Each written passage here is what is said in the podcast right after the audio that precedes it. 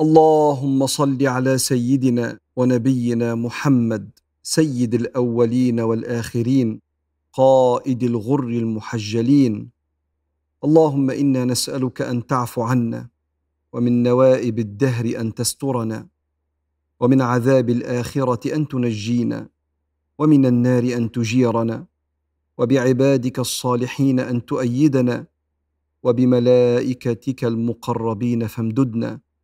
ولا تؤاخذنا يا مولانا إن نسينا أو أخطأنا.